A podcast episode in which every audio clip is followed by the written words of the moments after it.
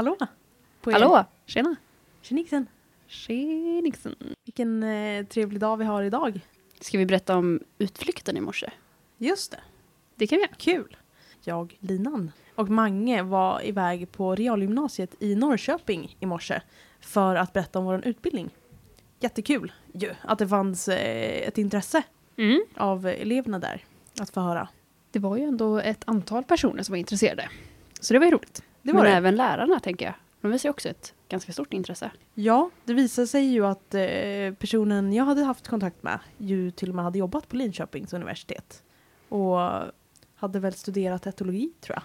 Det är ju- Doktorerat i etologi. Doktorerat till och med. Mm. Det är ju superkul att eh, den kompetensen kommer ner till gymnasienivå också. Gud ja. Eh, det är ju inte ofta man på gymnasiet, nu var ju det en naturbrukslinje, så då är ju det lite naturligt att man ju såklart läser om djurens beteende och så. Men eh, generellt annars på gymnasieutbildningar så får man ju inte så mycket etologi. Trots att det finns möjligheten i läroplanen att faktiskt lägga in det. Men det är ju väl upp till varje lärare Och skola, tänker jag. Ja. Mm. och många väljer ju kanske bort det. Men eh, hörni, idag är ju inte Hasse med oss. Nej, Hasse befinner sig i annat land. Mm, I kärlekens stad. Paris. Paris. Ja, det är väl kärlekens stad? Ja, det är det. Ja, hon och hennes kära mor tog sig en liten tripp. Så vi ska lösa det här eh, d- ensamma idag, tänkte jag säga. Ensamma, vi är ju tre. För att vi är ju linan. Moa och Mange.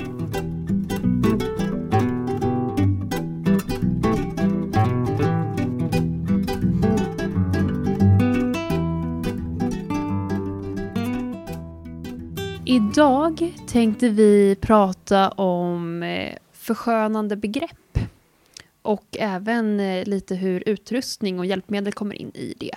Men eh, förskönande begrepp då helt enkelt hur vi använder oss av olika sätt att formulera oss. Ibland för att ehm, ja, Släta lite över ja, det man gör. precis. Att linda in det lite i finare ord. Men när man kanske går in och analyserar och bryter ner lite vad det faktiskt är så kanske det inte alltid är tipptopp bra för våra djur. Och kanske inte alltid så konsekvent. Nej, precis. Verkligen. Och det kan ju jag känna händer väldigt mycket när man pratar om träning till exempel. Olika träningsmetoder. Att man eh, sätter olika namn på de här metoderna då så att det ska framstå som mm, lite gulligt och snällt och jättebra. Men sen som sagt, när man bryter ner det här så är det inte så bra helt plötsligt. Likaså utrustning och hjälp- hjälpmedel, tänker jag. Mm. Precis. Det är lätt att prata runt det och att man eh, eh, tittar på det på ett sätt att hjälp, alltså utrustningen eller hjälpmedel är ju till för att, för att fylla en funktion och hjälpa Mm. till på något sätt. Men sen när man faktiskt kanske tittar på hur utrustningen eller hjälpmedlet då faktiskt fungerar så kanske man inser att det kanske inte är så bra att använda för att det tummar på välfärden för djuret Mm. där man använder det. Ja, det kanske hjälper det man behöver ha hjälp med rent praktiskt, men vad gör det egentligen för djuret? Mm, på Hur vilken bekostnad? Djuret? Exakt, bekostnaden på djuret. Jag tänker så här. Om jag säger sunt förnuft, vad tänker ni då? Vad är era första tankar när jag säger sunt förnuft? jag får ändå en positiv känsla till det. För det är ändå lite så man... Man kan ju bara utgå från sig själv lite grann. För alla kan ju ha olika versioner av sunt förnuft. Mm. Och det beror ju på vad man kan och vad man så... Men det utgår ju från vad man själv sitter på för kunskap, vad man själv sitter på för erfarenheter. Och det vävs ju ihop. Och utifrån det så bildar man sig. Man tar, man tar från det man själv besitter och skaffar sig en uppfattning om någonting och agerar på. Mm. Ja, för jag tänker att ofta så förknippas det med tidigare erfarenheter och kanske inte egentligen baserat på kunskap. Mm. Verkligen. Alltid. Och det var lite dit jag ville komma. För att sunt förnuft är ju just ett begrepp som kanske används för att eh, försköna saker och ting. Att man säger jag använder sunt förnuft när jag håller mina djur eller när jag tränar mina djur för att det blir absolut bäst då. Men sunt förnuft, precis som du Mange sa, kan ju vara ett begrepp, eller det är ju en definitionsfråga. För vad jag anser vara sunt förnuft är ju kanske en stor skillnad till vad du anser. Eller vad du Moa anser. Så att använda just begreppet sunt förnuft kan ju ofta föra med sig mycket problematik. För att man ju oavsett vem man är och hur man tänker så kan man använda begreppet och få det att låta bra. För det är ju ändå två lite positivt klingande ord. Sunt, det låter ju bra. Och förnuft, att man liksom tar sitt förnuft till fånga. Att det är väldigt sådär, att det utgår från att man, där kanske ett beslut eller att man tänker kring någonting med, med liksom egentligen allt man kan, allt man besitter själv som person. Ja, för någonstans har man ju alltid hört att så länge du har sunt förnuft i din djurhållning så kommer du långt. Mm, verkligen. Och det är ju fel, tycker jag i alla fall. För att beror på lite vad du anser i det här, vad du värderar. Ja, jag skulle vilja ändå säga att man kan absolut ta sunda beslut i olika situa- situationer utifrån vilken kunskap man besitter och eh, lite grann ändå erfarenhet. Men jag tycker att det är väldigt viktigt att särskilja på sunt förnuft och kunskap som ni ändå har varit inne på lite nu. Verkligen. För att som sagt, med kunskap och erfarenhet kan man ta sunda beslut. Men ett sunt förnuft kan man per definition använda oavsett kunskapsnivå eller erfarenhet. Så det som är väldigt viktigt att tänka på här är ju att grunda sina beslut på eh, ja men grunda sina beslut med hjälp av den kunskapen man har och lite alltid granska situationer för vad de är. Jag läste ett Facebook-inlägg igår. Jag är med i en hästvälfärdsgrupp. Och då hade den här gruppen publicerat ett eh, inlägg som handlade om 33 myter som en veterinär och etologer hade eh, skapat då. Och då var en av de myterna att eh, hästar som sparkar efter hinder är glada och positiva. Och sparkar menar vi ju med då att de bockar eller att de gör så kallade glädjeskutt. Skulle man ju kunna säga att eh, folk tänker. Precis. Eh, och det här är ju då en myt.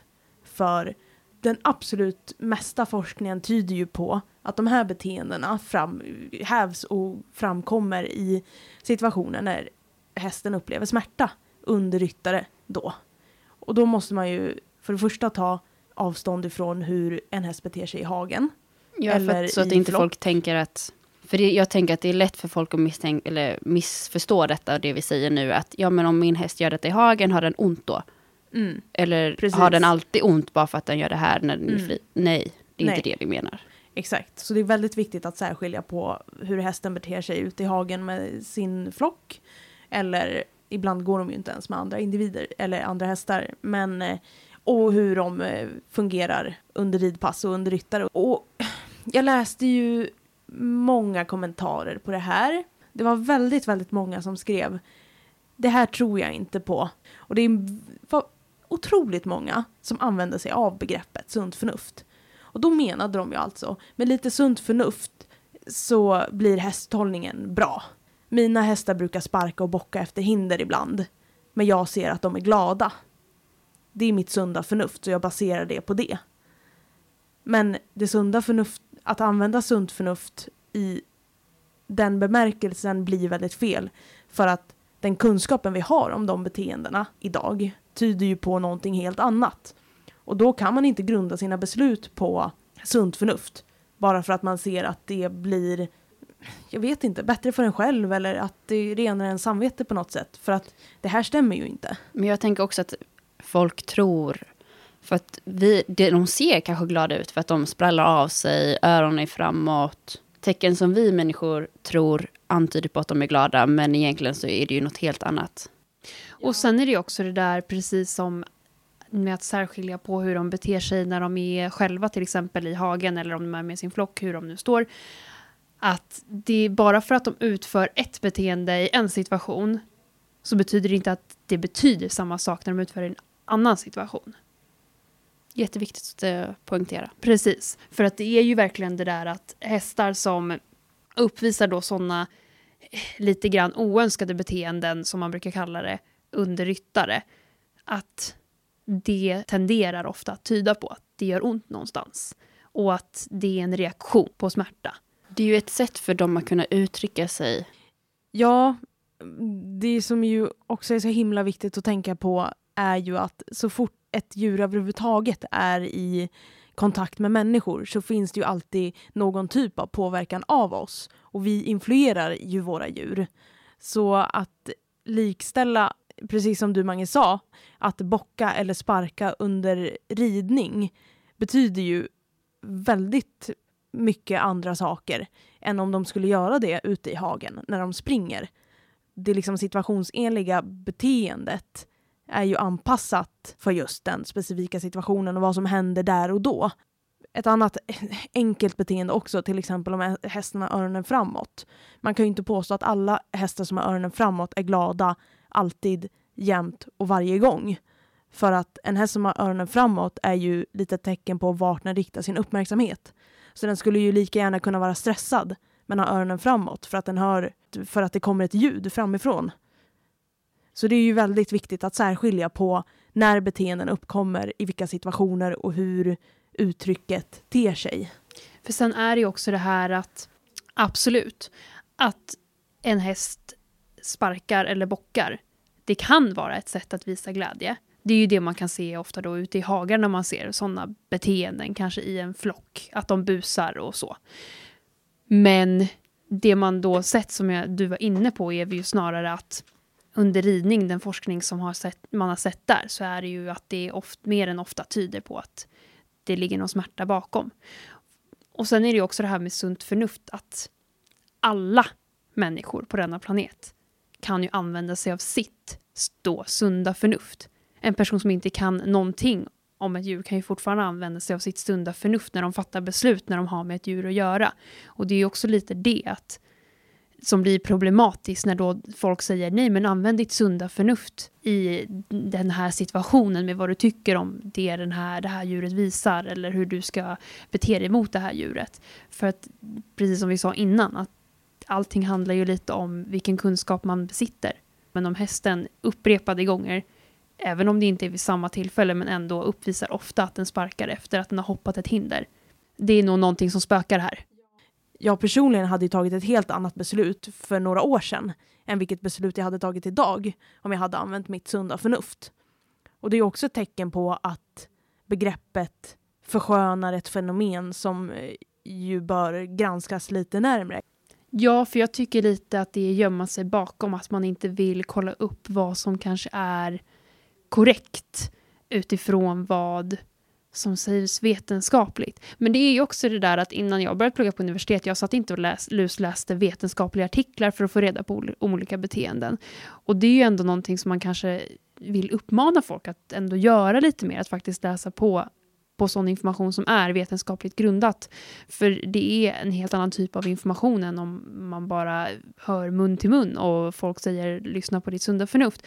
För att det är ju alla kommer ju alltid försöka fatta ett beslut som är så bra som möjligt för sitt djur. Det är väldigt få personer egentligen som vill illa sitt djur, om man tänker på hur många som har djur. Alla vill sina djur väl. Verkligen. Men jag tänker också att sitt sunda förnuft ska man vara öppen att alltså, kunna utveckla när det finns ny kunskap, det finns ny forskning. Mm. Mm. Ja, för jag upplever ju ofta att det sunda förnuftet används i situationer där det inte borde användas. Att det är ett sätt att kunna liksom, ta en genväg och att nej men just min häst eller mitt djur, just min hund appliceras inte i den här forskningen. Just min hund är glad när den beter sig sådär. Eller just min häst är faktiskt glad när den sparkar. För ja, men också att de, liksom, att de jämför sitt sunda förnuft med kunskap. Att de drar paralleller, att det är samma sak. Vilket också blir väldigt problematiskt. När forskningen visar något annat än deras sunda förnuft. Ja, för det blir också lite den här att istället för att ställa sig frågan på riktigt. Varför uppvisar mitt djur det här beteendet? Så fattar man bara ett beslut på sitt sunda förnuft istället. Mm. Exakt. Och där kan det ju bli tokigt. Det kan ju verkligen bli tokigt. På för riktigt. då kan man ju bortse från saker som kan påverka välfärden negativt. Att djuret kanske mår dåligt. Men att vi bara putta bort det för att vi tänker att nej, mitt djur är säkert bara glad. Mm. Mm. Men det kan vara nyttigt att faktiskt ställa sig frågan ordentligt. Att varför ser jag det här beteendet? Mm. Det är ändå en viktig fråga att ställa sig själv. ofta. För att vi vill ju att våra djur inte ska ha ont eller att de ska må dåligt på något sätt. Och då tror jag att det ligger mycket i att faktiskt ifrågasätta mycket och att våga fråga varför till människor. För att genom att ifrågasätta lite grann så börjar folk tänka, förhoppningsvis. Alla gör ju inte det. Många blir ju lite rädda av sådana frågor också. För att de inser att jag vet faktiskt egentligen inte. Men jag har använt mig av ja, mitt sunda förnuft. Och att, då tycker jag att det är på det här sättet.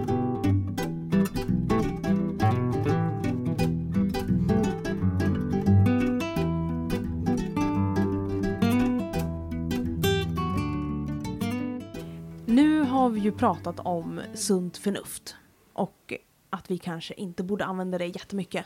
Eller också använda det fast grundat på fakta och så vidare. Kanske inte gömma oss bakom det utan att eh, sunt förnuft men också att det sunda förnuftet kan säga oss att jag vet inte riktigt vad det här är. Jag kanske ska kolla upp det lite mer. Precis. Och lite ur det kan man ju traska vidare till begreppet korrigera. Som ju också är ett förskönande begrepp av en träningsmetod som bygger ganska mycket på positiv bestraffning snarare än positiv förstärkning och bra träningsmetoder. Och positiv bestraffning innebär ju att vi lägger till någonting som djuret inte tycker om eller tycker är obehagligt. Och använder man positiv bestraffning så gör man ju det i syfte att vilja minska ett beteende. Ett oönskat beteende som man inte vill att djuret ska fortsätta utföra. Precis. Så till exempel skulle man ju kunna, en hund som drar i kopplet, det är ju ganska påfrestande för både hunden själv och personen som eh, står i andra, andra änden av det. Och det man skulle kunna göra här då, för att korrigera, är ju att dra tillbaka. Att det, det upplever ändå jag är ganska vanligt, att man ser folk som går ute på stan med sina hundar som drar lite grann. Eller oavsett vad hunden gör. Eller att hunden stannar och luktar på någonting Ja. och att man eh, tar ett litet eh, ryck i kopplet då för att hunden ska följa med. Det Mm. är ju en form av eh, positiv bestraffning då. Ja. för, för att, att- man lägger till ett ryck. Hunden tycker antagligen att det inte är jätteskönt. Med, med Hänger syftet- efter ägaren. Ja, med syftet att minska på beteendet då. Exakt. Och det här, när, när det här beteendet av människan då, att rycka i kopplet, utförs, så används ju ofta begreppet just att korrigera. För att tydligen så är det ju väldigt viktigt att korrigera våra djur. Och korrigera olika beteenden och ditten och datten för att, eh, ja inte vet jag, förenkla för människan på något sätt. För att få djuren att göra det vi vill göra. Ja. Ja men lite så ändå, att de någonstans bara ska följa efter våran pipa lite grann. Det är ju ändå ett begrepp som slängs med av ganska många. Har ändå hört det an- ordet användas av många framstående personer, eh, stora profiler och liknande.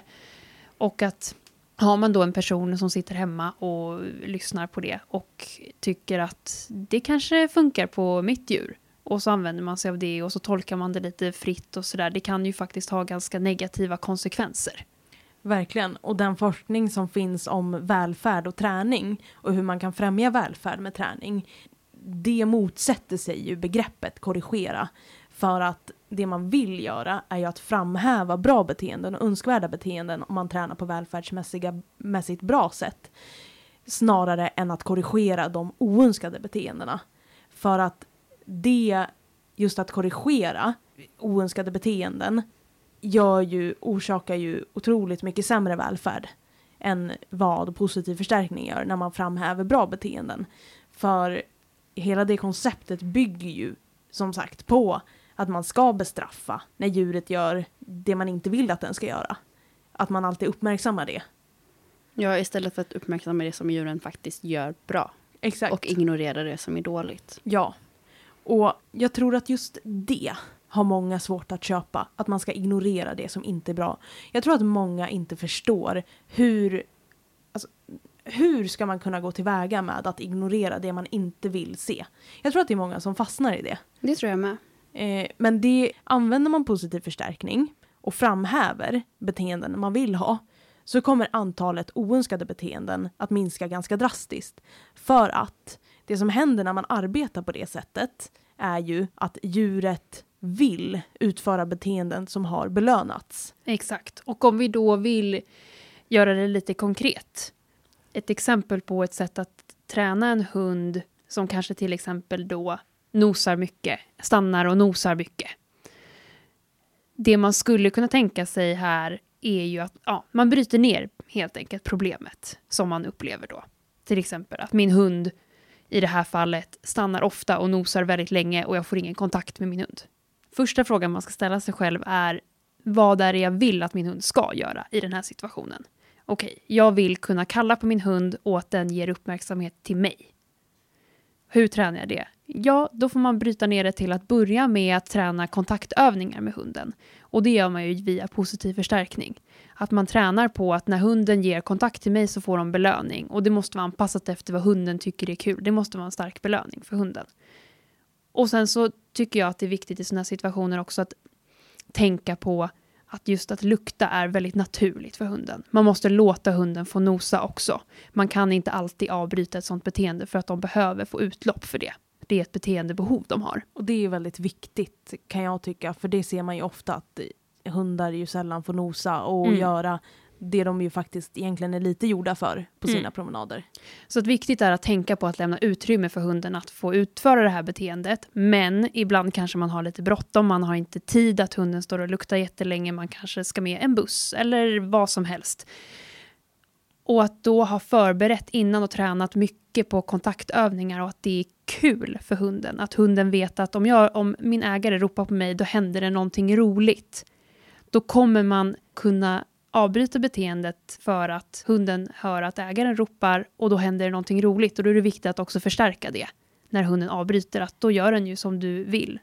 Och också att lägga till i det är ju att när man korrigerar ett beteende, bara för att man har korrigerat någonting man inte vill se, så betyder det inte att djuret magiskt vet vad man vill se. Men det finns ju fortfarande miljontals andra oönskade beteenden som man ju inte heller vill se, men som djuret inte förstår är enligt människan dåligt. Det jag menar här är ju att framhäver man det man vill se, då vet djuret det. Mm. Det är ju mycket svårare för dem att förstå vilket beteende de inte ska göra när vi lägger till aggressiva metoder eller korrigerar. Ja, eller snarare att, eller det vet de ju. Att de vet ju vad de inte ska göra, men de har ju ingen aning om vad Nej, de exakt. ska göra. Det finns ju en miljon andra saker att göra som de inte har någon aning om. Det enda de förstår är ju att det där ska jag inte göra för då blev jag dragen i kopplet eller då fick jag en smäll på bogen som häst. Och hade man istället uppmärksammat och förstärkt beteenden man vill se, då hade man ju aldrig hamnat där. För att då vet de ju och kan ju förutspå vad vi önskar av dem. Ja, så det är ju viktigt i situationer där man har ett beteende man vill se mindre av. Att ställa sig frågan, vad vill jag att mitt djur gör istället? Och förstärk det beteendet. Det kommer man väldigt långt på.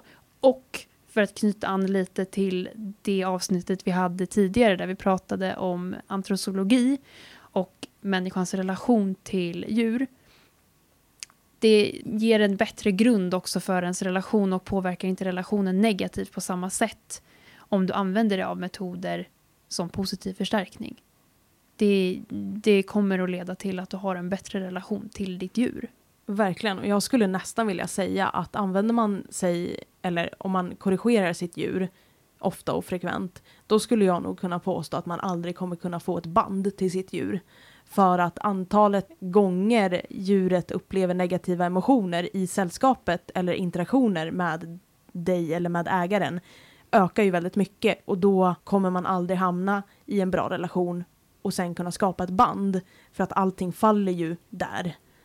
Verkligen, du blir ju alltid sedd som negativ. Mm. Om du hela tiden ska trycka på vad den inte ska göra. Mm. Precis. Och det för, här... för att det ska kunna bli ett band så måste det ju vara, det måste bygga på positiva interaktioner. Exakt, och det här är ju återigen liksom vetenskapligt grundat. Så att gå och påstå att nej men jag har jättebra relation och ett band till mitt djur när man arbetar med aversiva metoder det stämmer ju verkligen inte. Men å andra sidan, återigen för att eh, lyfta det med antrosologi så är det ju fantastiskt fint att vi kan påverka väldigt mycket med positiv förstärkning och att undvika att korrigera och snarare framhäva det bra. Mm, så är det. Det finns ju väldigt bra vägar att gå istället.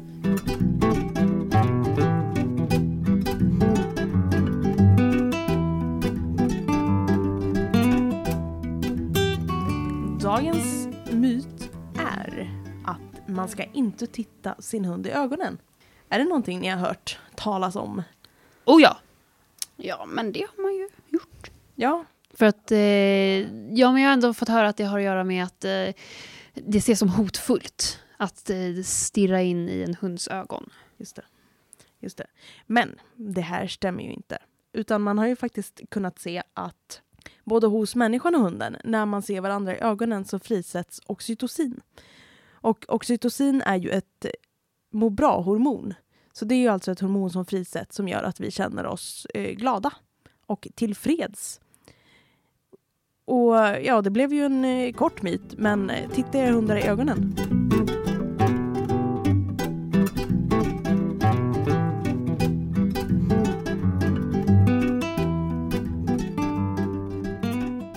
Just det här med när man är inne på begreppet korrigera.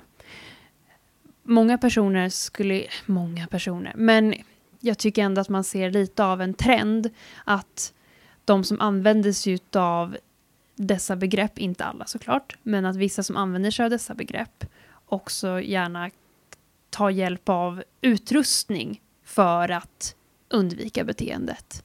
Har du till exempel en dragig hund, ja men sätt på den en nosgrimma eller ett antidrag, en antidragsele eh, för att det blir också roligt för här kommer vi också till ett förskönande begrepp för att kunna styra hunden mer. Och det är ju, just en nosgrimma är ju en anordning man sätter på huvudet då och att när du drar i kopplet så drar det åt runt nosen. Och det är ju, det kan ju vara väldigt, det kan faktiskt vara väldigt plågsamt för hunden. För hundar är ju gärna, de häschar gärna att de flämtar lite med tungan ute. Och att då, att det plötsligt dras åt, det behöver inte ens vara en själv som drar i kopplet. Det kan ju vara att hunden springer några steg och att det sen tar stopp. Och att då munnen stängs hastigt riskerar ju att tunga och liknande hamnar i kläm. Och det gör ju väldigt ont. Så är det verkligen. Och eh, ju anledningen till att många har en sån här är ju för att hunden drar. Precis. Och Dragiga hundar är ju ett väldigt, väldigt vanligt problem. Ja, Det och många är ju hundägare visat ju... på forskning att eh, de inte riktigt har den här kognitiva förmågan att förstå vad ett koppel innebär. Det är ju faktiskt väldigt intressant och kanske Mm. inte heller så konstigt för varför Nej. skulle de fatta vad det innebär? Det är ju någonting som vi verkligen behöver träna in. Det är ju enbart inlärning. Mm. ja, ja. Oh ja. Det kommer ju inte naturligt för en hund att gå fint i ett koppel. Den förstår ju inte att helt plötsligt tar det stopp efter ett visst antal meter. Och sen också om man inte har lärt dem rätt, att varför skulle de också förstå att dragande i kopplet, att det liksom är på grund av att de själva går i en viss hastighet gentemot hur ägarens hastighet är. Mm. Men någonstans hur kan de förstå att vi tycker det här är jobbigt och negativt? Mm. För vi begränsar ju egentligen deras rörelsemönster Mm. eh, rätt och slätt genom att sätta på dem ett halsband och ett koppel. Eller en sele och ett koppel. Särskilt problematiskt blir det ju om gemene man har draghundar som sällskapshundar. Det är ju naturligt för en sån hund att dra mot det tryck den upplever. För att de är ju avlade för att utföra sådana beteenden. Och sen så är det väl kanske väldigt många som har den förståelsen om man väljer att skaffa typ en husky eller liknande. Men det är värt att eh, lyfta ändå. Men jag tycker också som sagt att det du lite var inne på innan Mange, att personer som använder korrigeringsmetoder ofta ju också behöver mer utrustning för att kunna hantera sitt djur. Och det är precis som vi ändå har pratat om nu med eh, nosgrimma på hund, men också om man går över på häst. Det är ju väldigt, väldigt vanligt. Utrustning överlag, det är ju det enda vi har på våra hästar.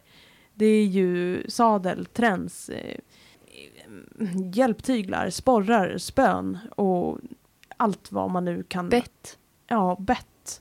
Allt vad man nu kan komma på. Allt det är ju utrustning för att vi ska kunna hantera För hästen. att få hästen att göra det vi vill att den ska Ja. göra. Precis. Och det är ett sätt också för oss att inte behöva använda lik, alltså att man inte behöver ta i lika mycket. Om man tänker till exempel en hund, om man jämför med om du har ett halsband och en nosgrimma. Du behöver inte ta i lika mycket kroppsligt om du har en nosgrimma. Med en häst har du sporrar jämfört med om du inte har sporrar. Du behöver inte ta i lika mycket Men du utsätter ju fortfarande djuret för ett obehagligt tryck. Så är det ju, och det är hela grunden till att djuret förändrar sitt beteende i situationerna när man använder trycket. För att en sporre, det applicerar ju ett, ju ett större tryck på mindre yta i sidan på hästen. Vilket ju gör att den upplever det här stimulit som betydligt mer intensivt. Och det tog vi också upp i antrosologiavsnittet, om jag vill minnas rätt. Det här med att kunna ställa specifika frågor med hjälp av sporrar. Det här skulle jag nog ändå vilja säga är en myt. Och jag tror att dock många kommer vara emot det här och säga att nej men det stämmer inte. Men att påstå det, jag kan inte få ihop det. Förklara mer vad du menar med att du på, eller att påstår med specifik fråga och sporrar. Ja men det är ju många som säger det när de har sporrar som utrustning, eller använder sporrar som utrustning. Att ja, men jag har det för att jag vill ställa mer specifika frågor till min häst. Och för det första så ställer man ju sällan frågor när man använder positiv bestraffning, vilket ju användandet av sporren är.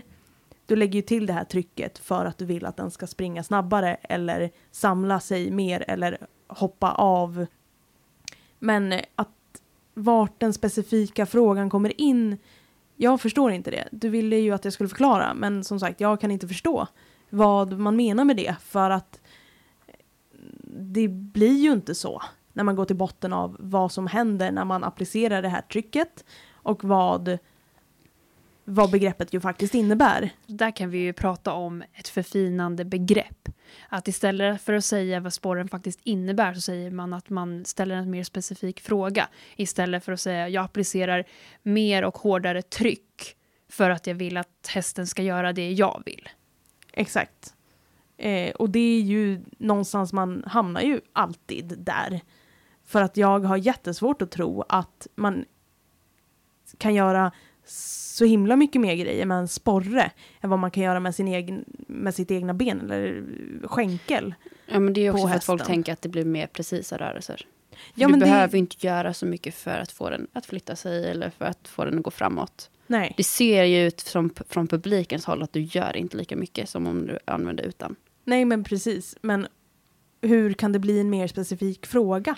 Det är också fel att benämna det som en fråga, för du ställer ju inte hästen en fråga. Nej, exakt. För hästen har inget val i detta. Nej. Nej, precis. Och det var ju som jag sa innan, det blir ju en positiv bestraffningsmetod om du använder en sporre. Och det är ju oavsett hur mycket man än vill att det inte ska vara så, så är det så. För att du lägger till någonting som är obehagligt för hästen och då utför en ett annat beteende. Typ att öka farten eller att fatta galopp eller att samla sig eller vad som helst. Och här hamnar vi igen i det här med att bryta ner vad det faktiskt är man gör och ställa sig frågan varför. För att genom att använda sig av sporren, man vill kunna ge en lättare hjälp från ryttarens sätt då. Men vi hamnar ju också i det här att om du nu ställer en specifik fråga och hästen inte lyssnar.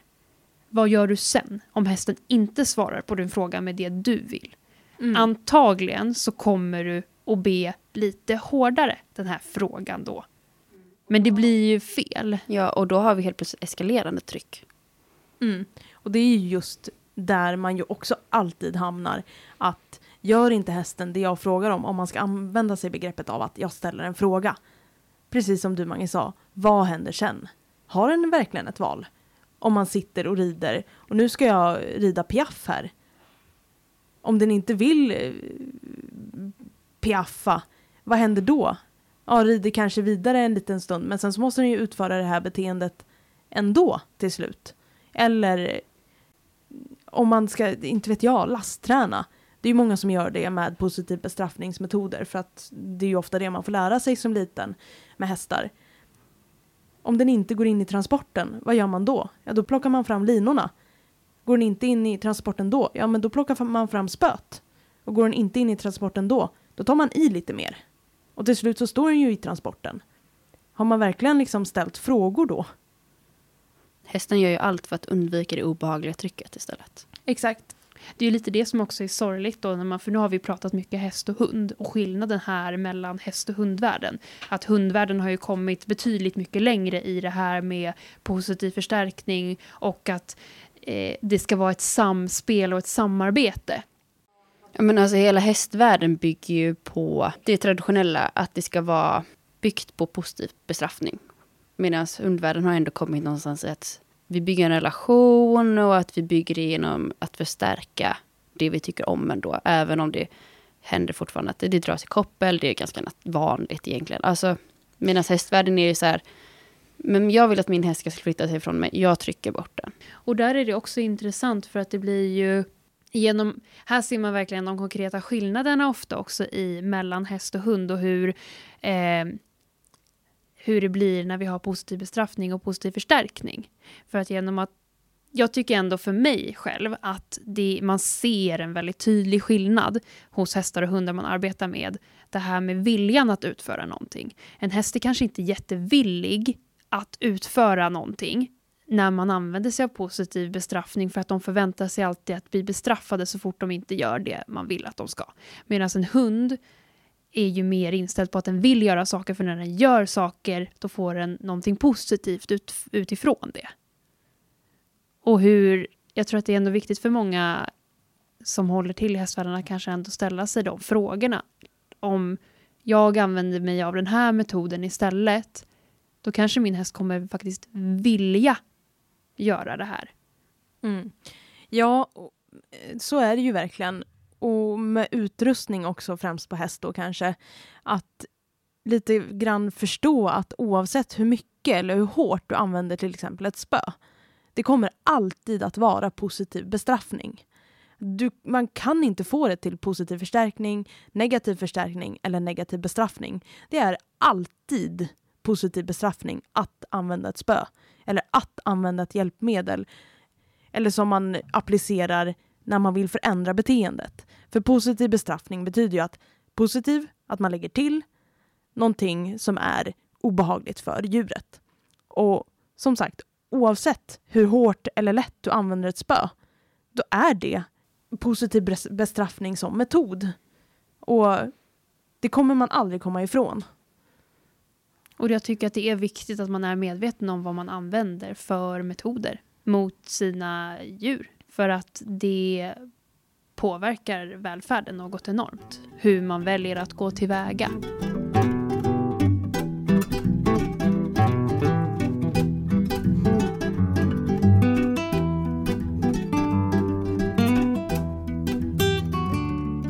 Hej hopp hörni! Nu har vi tagit oss igenom förskönande begrepp, utrustning och eh, aversiva träningsmetoder. Ja, lite sådär eh, smått och gott inom det. Det ja. går ju att prata om i all oändlighet höll jag på att säga. Ja, jag tänker att har någon funderingar, frågor, vill att vi ska djupdyka mer i det, förklara mer, så är det ju bara... Ja, jätteroligt om folk har egna åsikter eller spaningar eller eh, så om mm. det här ämnet. Eller ja. om ni kanske tycker helt tvärtom mot oss. Exakt. Skriv. Jätteviktigt att lyfta. Absolut. Det är, ju, det är roligt att ha en diskussion. Så är det verkligen. Och just det här att djupdyka i hur utrustning påverkar inlärningsmetoder och vilka inlärningsmetoder som korrelerar med vissa typer av utrustning. Jätteintressant och kul och viktigt ur välfärdssynpunkt. Men också för att förstå våra djur lite bättre. Och vill ni då höra av er till oss så hittar ni oss på Facebook, Gärna djur heter vi där. Instagram, Jarna djur. Och, och på vår mejl. Ja.